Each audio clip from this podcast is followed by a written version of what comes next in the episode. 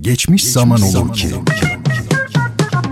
Tarihin en ilginç olayları ve en renkli kişileri bu programda. Bertan Rona tarafından hazırlanıp sunulan Geçmiş Zaman Olur ki sizleri her hafta şaşırtıcı konularla dolu bir tarih sohbetine davet ediyor. Geçmiş Zaman Olur ki her pazartesi ve her cuma saat 21'de Samsun'un Gerçek Radyosu'nda. Geçmiş Zaman Olur ki başlıyor. başlıyor.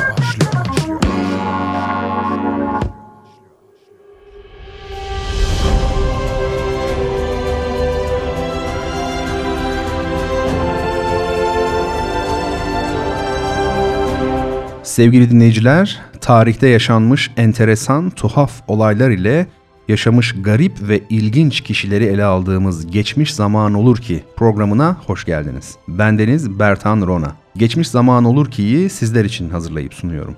Programımı her hafta pazartesi ve cuma akşamları saat 21'de Radyo Gerçek'te dinleyebilirsiniz. Efendim bu bölümde sizlere çok çok ilginç bir tarihi vakadan söz edeceğim. Sizin de bildiğiniz üzere geçmiş zaman olur ki içeriği itibariyle yani bir popüler tarih programı olarak zaten enteresan olaylar ile kişilere yer veriyor. Ama bu bölümde sizlere anlatacağım hadise hakikaten ilginç. Peki nedir bu olay? Bu olay 1518 Strasbourg dans salgını. Dansın salgını olur mu diye sormayın. Demek ki oluyormuş. 1518 Strasbourg dans felaketi ya da dans çılgınlığı olarak adlandıranlar da var ama biz genel kabul gören ismini temel aldık. Zira en doğru çevirisi dans salgını. Peki nedir bu olay? Belki şaşıracaksınız ama 1518 yılında Strasbourg'da yaklaşık 400 kişinin bugün bile tam olarak belirlenememiş olan bir nedenden dolayı dans etmeye başlamaları, kendilerini dans etmekten alıkoyamamaları ve çoğunun haftalar içinde yorgunluktan ve benzeri nedenlerden ölmeleri hadisesi. Eğer şaka yaptığımı düşünüyorsanız yanılıyorsunuz efendim çünkü olay tamı tamına böyle. Elimizde bulunan belgelere göre 1518 Haziran'ında Strasbourg'da Frau Trofea yani Bayan Trofea isimli bir kadın birdenbire heyecanlı bir şekilde sokakta dans etmeye başlar ve bu durum tam 6 gün sürer. Bir hafta içinde 34 kişi daha Frau Trofea'ya katılır ve onunla birlikte dans etmeye başlarlar. Bir ay içinde ise bu sayı 400'e yükselir. Dans edenlerden bazıları kalp krizi, inme veya yorgunluktan ölürler. Durum ciddileşince kentin ileri gelenleri çözüm olarak dans edenlerin yanına müzisyen yollarlar ve bununla da kalmayıp insanların kolay dans edebilmeleri için boş alanlar düzenlerler. Çünkü o zamanki anlayışa göre bu tür bir hastalığın tek tedavisi insanları gece gündüz dans ettirmektir. Ama bu tedavi ters teper ve sayısız kişinin ölümüne yol açar. Bugün hala neden bu insanların ölünceye dek dans ettikleri açıklanabilmiş değil. Ancak yaygın kanı bu hastalığın açlıktan kaynaklanan kitlesel bir histeri olduğu yönünde. Evet, 1518 Strasbourg dans salgını ana hatlarıyla böyle bir olay. Sevgili dinleyicilerim, dans çılgınlığı veya dans manisi de denilen dans salgılı olayının benzerleri aslında 7. yüzyıl ile 17. yüzyıl arasında birkaç defa yaşanmış ve 7'den 77'ye herkesi etkilemiştir. Ama bunların en önemlisi hiç kuşkusuz ki bizim şu an üzerinde konuşmakta olduğumuz 1518 Strasbourg dans salgınıdır. O dönemde Kutsal Roma İmparatorluğu topraklarına dahil olan Strasbourg'da başlarken de belirttiğimiz gibi Frau Trofea adındaki bir kadının sokaklarda dans etmeye başladığı tespit edilir. Kendinden geçmiş bir şekilde sokaklarda dans eden kadına 6 gün içinde sebepsiz bir şekilde 34 kişi daha katılır. Gece gündüz sokaklarda, caddelerde durmadan dans eden bu insanlar tarihsel kayıtlara göre bir süre sonra 400 kişiyi bulurlar. Çoğu kadın olan bu 400 kişi günlerce dans eder. Aralıksız bir ay süren bu durum otoriteleri ve yöneticileri harekete geçirir. Doktorlar hiç durmaksızın dans eden bu insanları durduramazlar. Dans eden insanlardan bazıları dans ederek ve ağlayarak kiliselere sığınırlar. Bazı yerlerde ise bu kişilerin sığındıkları yerdeki insanların da dans etmeye başladıkları görülür. Hakikaten enteresan. Demek ki bulaşıcıymış zaten adı üzerinde salgın. Sürekli büyüyen bir sorun haline gelmiş olan bu dans vebası için doktorlar, din adamları, astrologlar ve hatta büyücüler bir çare aramaya başlarlar. Tabi büyücü denilince bugün aklımıza saçma sapan işler gelse de o dönemde durum biraz farklı. Zira Orta Çağ boyunca hatta yakın çağlara kadar e, ki Strasbourg hadisesi 1518'de yaşandığına göre Orta Çağ'ın hemen sonrası demektir. İşte bu süre boyunca büyü ya da simya gibi işlemler ve çalışmalar pozitif bilimin birer dalı olarak görülüyorlardı.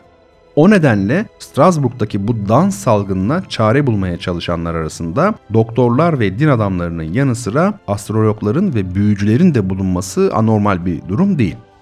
Ne var ki tüm bu insanların çabaları sonuçsuz kalmış. Sonunda doktorlar durmadan dans eden insanların kendi hallerine bırakılmaları gerektiğine karar vermişler. Hatta diğer insanları da dans etmeye teşvik etmişler. Ve nihayet şehrin yetkilileri meydanları ve pazar yerlerini insanlar rahatça dans edebilsinler diye boşaltmaya başlamışlar ki değinmiştik. Günümüzde dans eden bu insanların birçoğunun kalp krizinden veya yorgunluktan öldüğünü biliyoruz. Ancak pek gariptir ki bu ölümlerden sonra dans salgını bir anda kesiliyor. Ama bu olayın neden ortaya çıktığı, niçin yaşandığı, nasıl birdenbire kesildiği hala bir sır.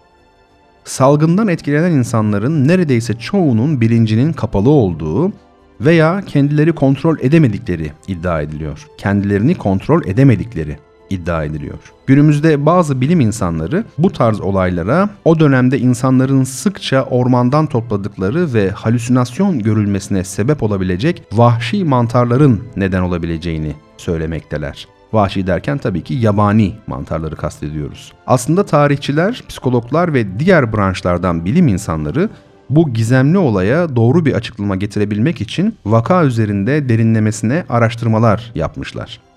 Uzunca bir süre revaçta olan teori ise şu yönde. Bu, nemli çavdar saplarında oluşan bir çeşit küfün tüketilen ekmeğe karışması nedeniyle ortaya çıkan toplu bir ruhsal bozukluk vakasıdır. Gerçekten de bu durum şiddetli sarsılma, delirme ve aşırı titreme halinde kendini gösterebilir. Fakat bu teoriye itirazı olanlar da var. Onlar bu ve benzeri vakalarda şiddetli sarsılma semptomuna rastlanmadığını öne sürmekteler. Peki bundan başka teori yok mu? Elbette var. O da şöyle.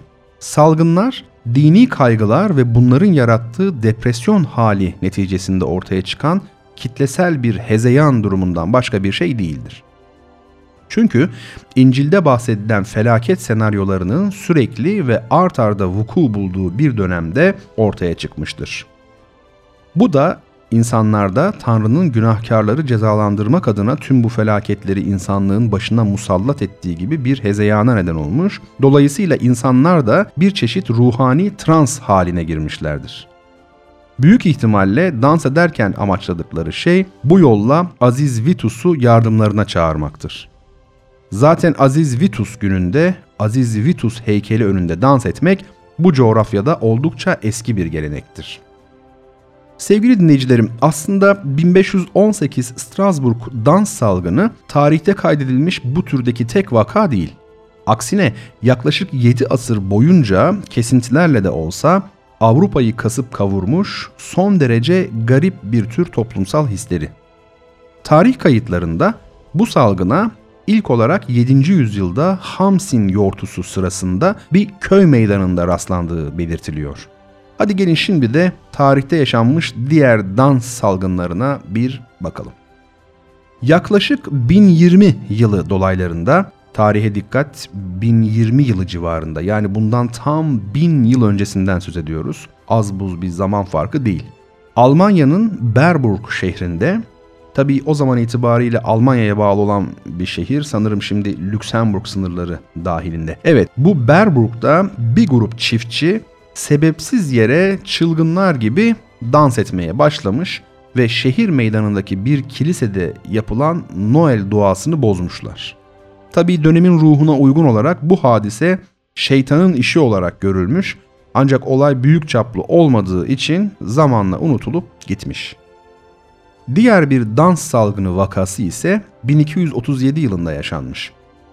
1237'de yine Almanya'da yaşanan bu olayda kalabalık bir grup çocuk neredeyse bilinçleri kapalı bir şekilde zıplayıp dans ederek Erfurt şehrinden komşu kasaba Arnstadt'a yürümüş. Hatta bu olayı hemen herkesin bildiği çok ünlü bir masala Fareli Köyün Kavalcısı masalına ilham kaynağı olan bir olay olarak biliyoruz. Sevgili dinleyicilerim, belgelenmiş dans salgınlarının ilk büyük ölçekli örneği ise 1278 yılında yaşanan ve Aziz Vitus dans salgını olarak adlandırılan ünlü salgın. Bu dans salgını Fransa, Belçika ve Hollanda'dan geçen Maas Nehri üzerinde yaşanmış. 200 kadar insan çalınan herhangi bir müzik veya gerçekleştirilen bir etkinlik yokken sebepsiz yere dans etmeye başlamış.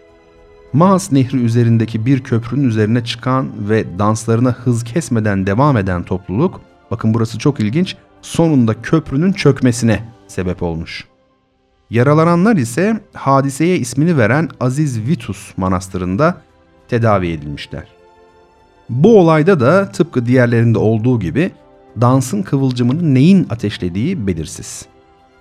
İşin çok garip olan bir başka tarafı ise dans eden insanların iyileştikten sonra neden öyle davrandıklarını açıklayamamış olmaları. Evet, hakikaten de tuhaf bir durum. Bu hadiseden sonra yaşanan benzer hadiselere hastaların tedavi edildiği Aziz Vitus Manastırı'ndan esinlenilerek Aziz Vitus ateşi denilir olmuş. Takvimler 1374'ü gösterdiğinde ise sınırları aşan ilk salgın gerçekleşmiş. Bu olayda yine sebepsiz yere bir grup insan dans etmeye başlamış ve ardından yüzlercesi onlara katılmış. Ancak işin daha da enteresan olan tarafı dans edenler arasında bu kez manastır rahiplerinin de bulunması. O dönemde bu olayların şeytanın işi olduğunun kabul edildiği düşünülecek olursa durum vahim yani. Efendim şaka bir yana bu salgın, bu son salgın kısa sürede Köln'ü, onun yakınlarındaki Flaman şehri Utrecht'i, Fransız şehirleri Metz ve Strasbourg'u ve sonunda Lüksemburg'u etkisi altına alacak boyutlara ulaşmış. Dans etmekten yorgun düşüp ölenler rapor edilmiş. Olay 1375 ve 1376 yılına kadar tabiri caizse artçı şoklarla devam etmiş. Kilise yaşanan bu hadiselere anlam verememiş ama halk işin içinde ilahi bir yön olduğunu düşünmüş ve bu uzun süreli salgın bir görünüp bir kaybolarak 1381 yılına kadar devam etmiş. Sevgili dinleyicilerim, Ortaçağ Avrupa'sında görülen bir başka dans salgını ise 1428 tarihli. 1418-1428 yılları arasında Strasbourg'da uzun süren kıtlık döneminin ardından bir anda başlayan bu dans salgını insanların çileli bir dönemin ardından yaşadıkları rahatlamayla bir tür kolektif histeriyle açıklanmaya çalışılmış. Yine 1428'de Almanya'da yaşanan olayda ise bir rahip ölene kadar dans etmiş. Aynı yıl bu defa Zürih'te bir grup kadın sebepsiz yere sokaklarda çılgınlar gibi dans etmeye başlayınca cadılıkla suçlanmışlar. Ve kayıtlara geçmiş olan son dans salgını programımızın konusunu oluşturan 1518 Strasbourg dans salgınından 18 yıl sonra 1536 yılında İsviçre'nin Basel kentinde çocuklarda görülmüş ama çok yayılmadan sona ermiş. İnsana hakikaten tuhaf gelen ama doğru düzgün açıklanamamış olan bu dans histerilerinin gerçek nedeni gayet tabii ki o günden bu yana insanlarda merak uyandırmış efendim. Nasıl uyandırmasın ki? Öyle değil mi? Yani bir insan durduk yerde üstelik bir müzik falan da işitilmiyorken oynamaya başlayacak. Derken ona onlarcası hatta yüzlercesi katılacak. Haftalarca dans etmeye devam edecekler ve nihayet yorgunluktan ölecekler. Hakikaten e, akıl alır bir iş değil. Ancak bize açıklanamaz görünen pek çok şeyin bilimsel kanıtlarla açıklanabildiğini de biliyoruz. O bakımdan bu hadise üzerinde çalışan farklı bilim insanlarının bu konudaki açıklamaları önem taşıyor. Bakalım bu konuda neler söylenmiş, iddia edilmiş veya ortaya konmuş. Bir teoriye göre 1518 Strasbourg dans salgınına arpa gibi tahıllarda görülen bir çeşit mantar yol açmış olabilir. Bu teori ki kısmen söz etmiştik, o yılın hasat mevsiminde aynı ürünü toplayan insanların aynı durumdan muzdarip oluşunu büyük oranda açıklıyor.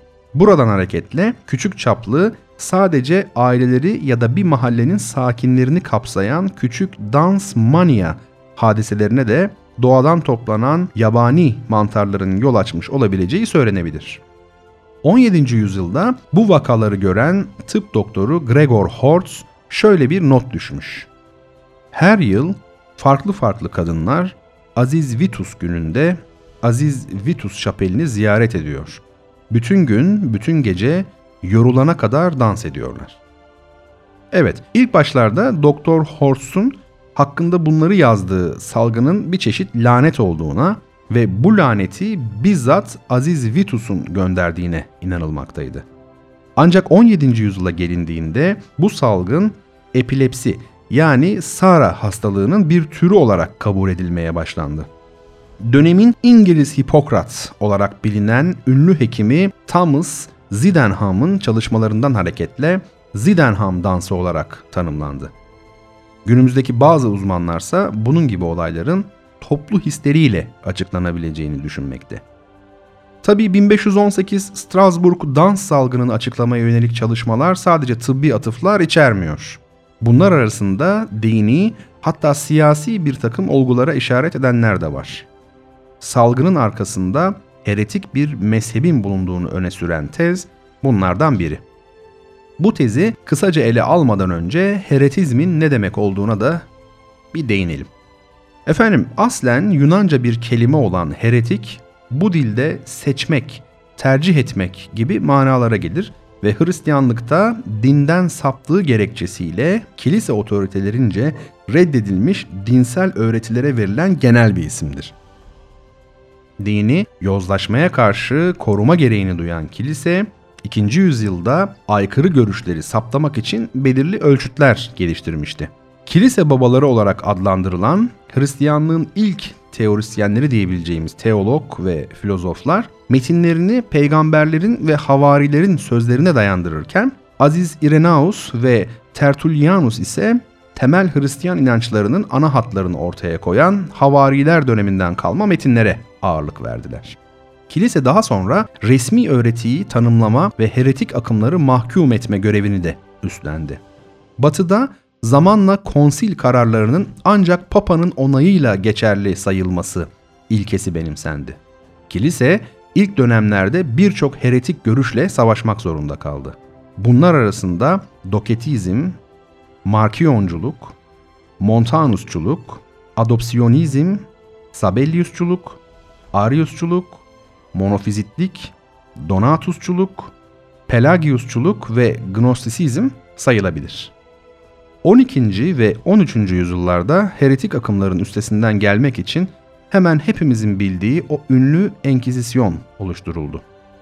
Ve genellikle Engizisyon'un yargılamasından sonra inançlarından vazgeçmeyen heretikler ki bilindiği üzere söz edilen bu yargılama e, çoğu zaman ağır işkence yöntemleri uygulanarak gerçekleştirilirdi. Yani sadece adı yargılamaydı. İşte bu şekilde sözde bir yargılamadan sonra bile inancından vazgeçmeyen insanlar, heretikler cezalandırılmak üzere sivil yetkililere teslim edilirdi.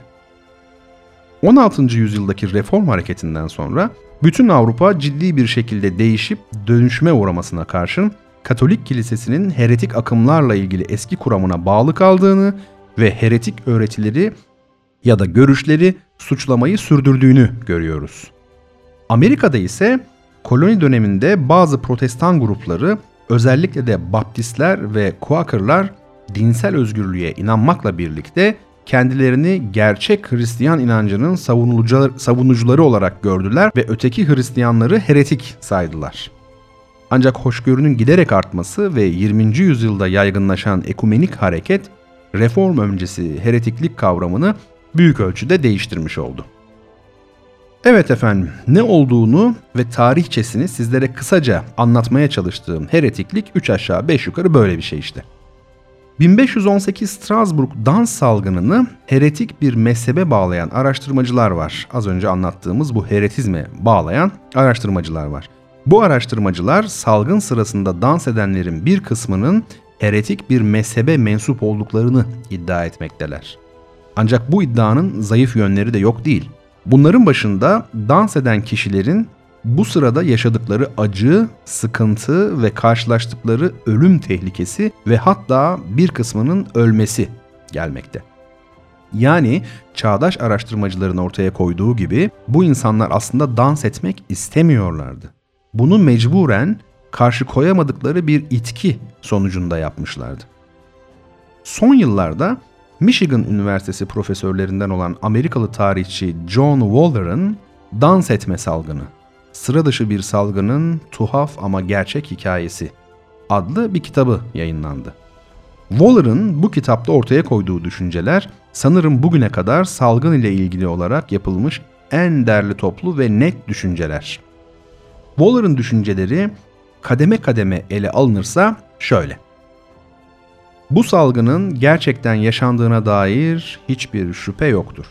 Bu bir. İkincisi ölenlerin dans etmekten yorgun düştükleri için öldükleri kesindir. 3. Bu insanlar titreme, sallanma veya kasılma gibi irade dışı olarak yorumlanabilecek hareketler yapmıyorlardı. Kendinden geçmiş olmalarına karşın kolları ve ayaklarını bilinçli bir şekilde hareket ettiriyorlardı. 4. Bu hastalığın temel nedeni açık bir biçimde stres kaynaklı psikozdur. Çünkü bölgede yaşayanlar uzun zamandır devam eden kıtlık nedeniyle yaşanan açlıktan çekmekteydiler. 5. Dönem bir batıl inanç dönemiydi. İnsanlar hayatlarını vermek pahasına bile olsa batıl inançlarından vazgeçmiyorlardı. Gereksiz kaygı ve korkular bölgeyi baştan başa ele geçirmişti. Ve 6. İşte tüm bu koşullar 1518 Strasbourg dans salgınına yol açtı. Evet, Michigan Üniversitesi profesörlerinden olan Amerikalı tarihçi John Waller hadiseyi bu şekilde ele alıyor. Ancak şurası kesin ki sebep ne olursa olsun salgın dans edenlerin bir kısmının ölmesi, bir kısmının bilincini kaybederek tedavi altına alınması ve kalanların da birer ikişer dans etmeyi bırakmalarıyla geride açıklanması çok zor sorular ve belki de hiç sona ermeyecek bir tartışma bırakarak tarihteki yerini almış oldu. Ve biz de böylelikle bir programımızın daha sonuna geldik. Sevgili dinleyicilerim, geçmiş zaman olur ki bu gecelik bitiriyoruz. Bendeniz programı sizler için hazırlayıp sunan Bertan Rona. Geçmiş zaman olur ki programını her hafta pazartesi ve cuma akşamları saat 21'de Radyo Gerçek'te dinleyebilirsiniz. Merak uyandıran, insanı hayrete düşüren ve şaşkınlığa sevk eden hadiseleri, insanları bendenizden dinlemek, tanımak isterseniz pazartesi ve cuma akşamları saat 21'de Radyo Gerçek'te olun efendim. Tekrar görüşene dek hoşçakalın.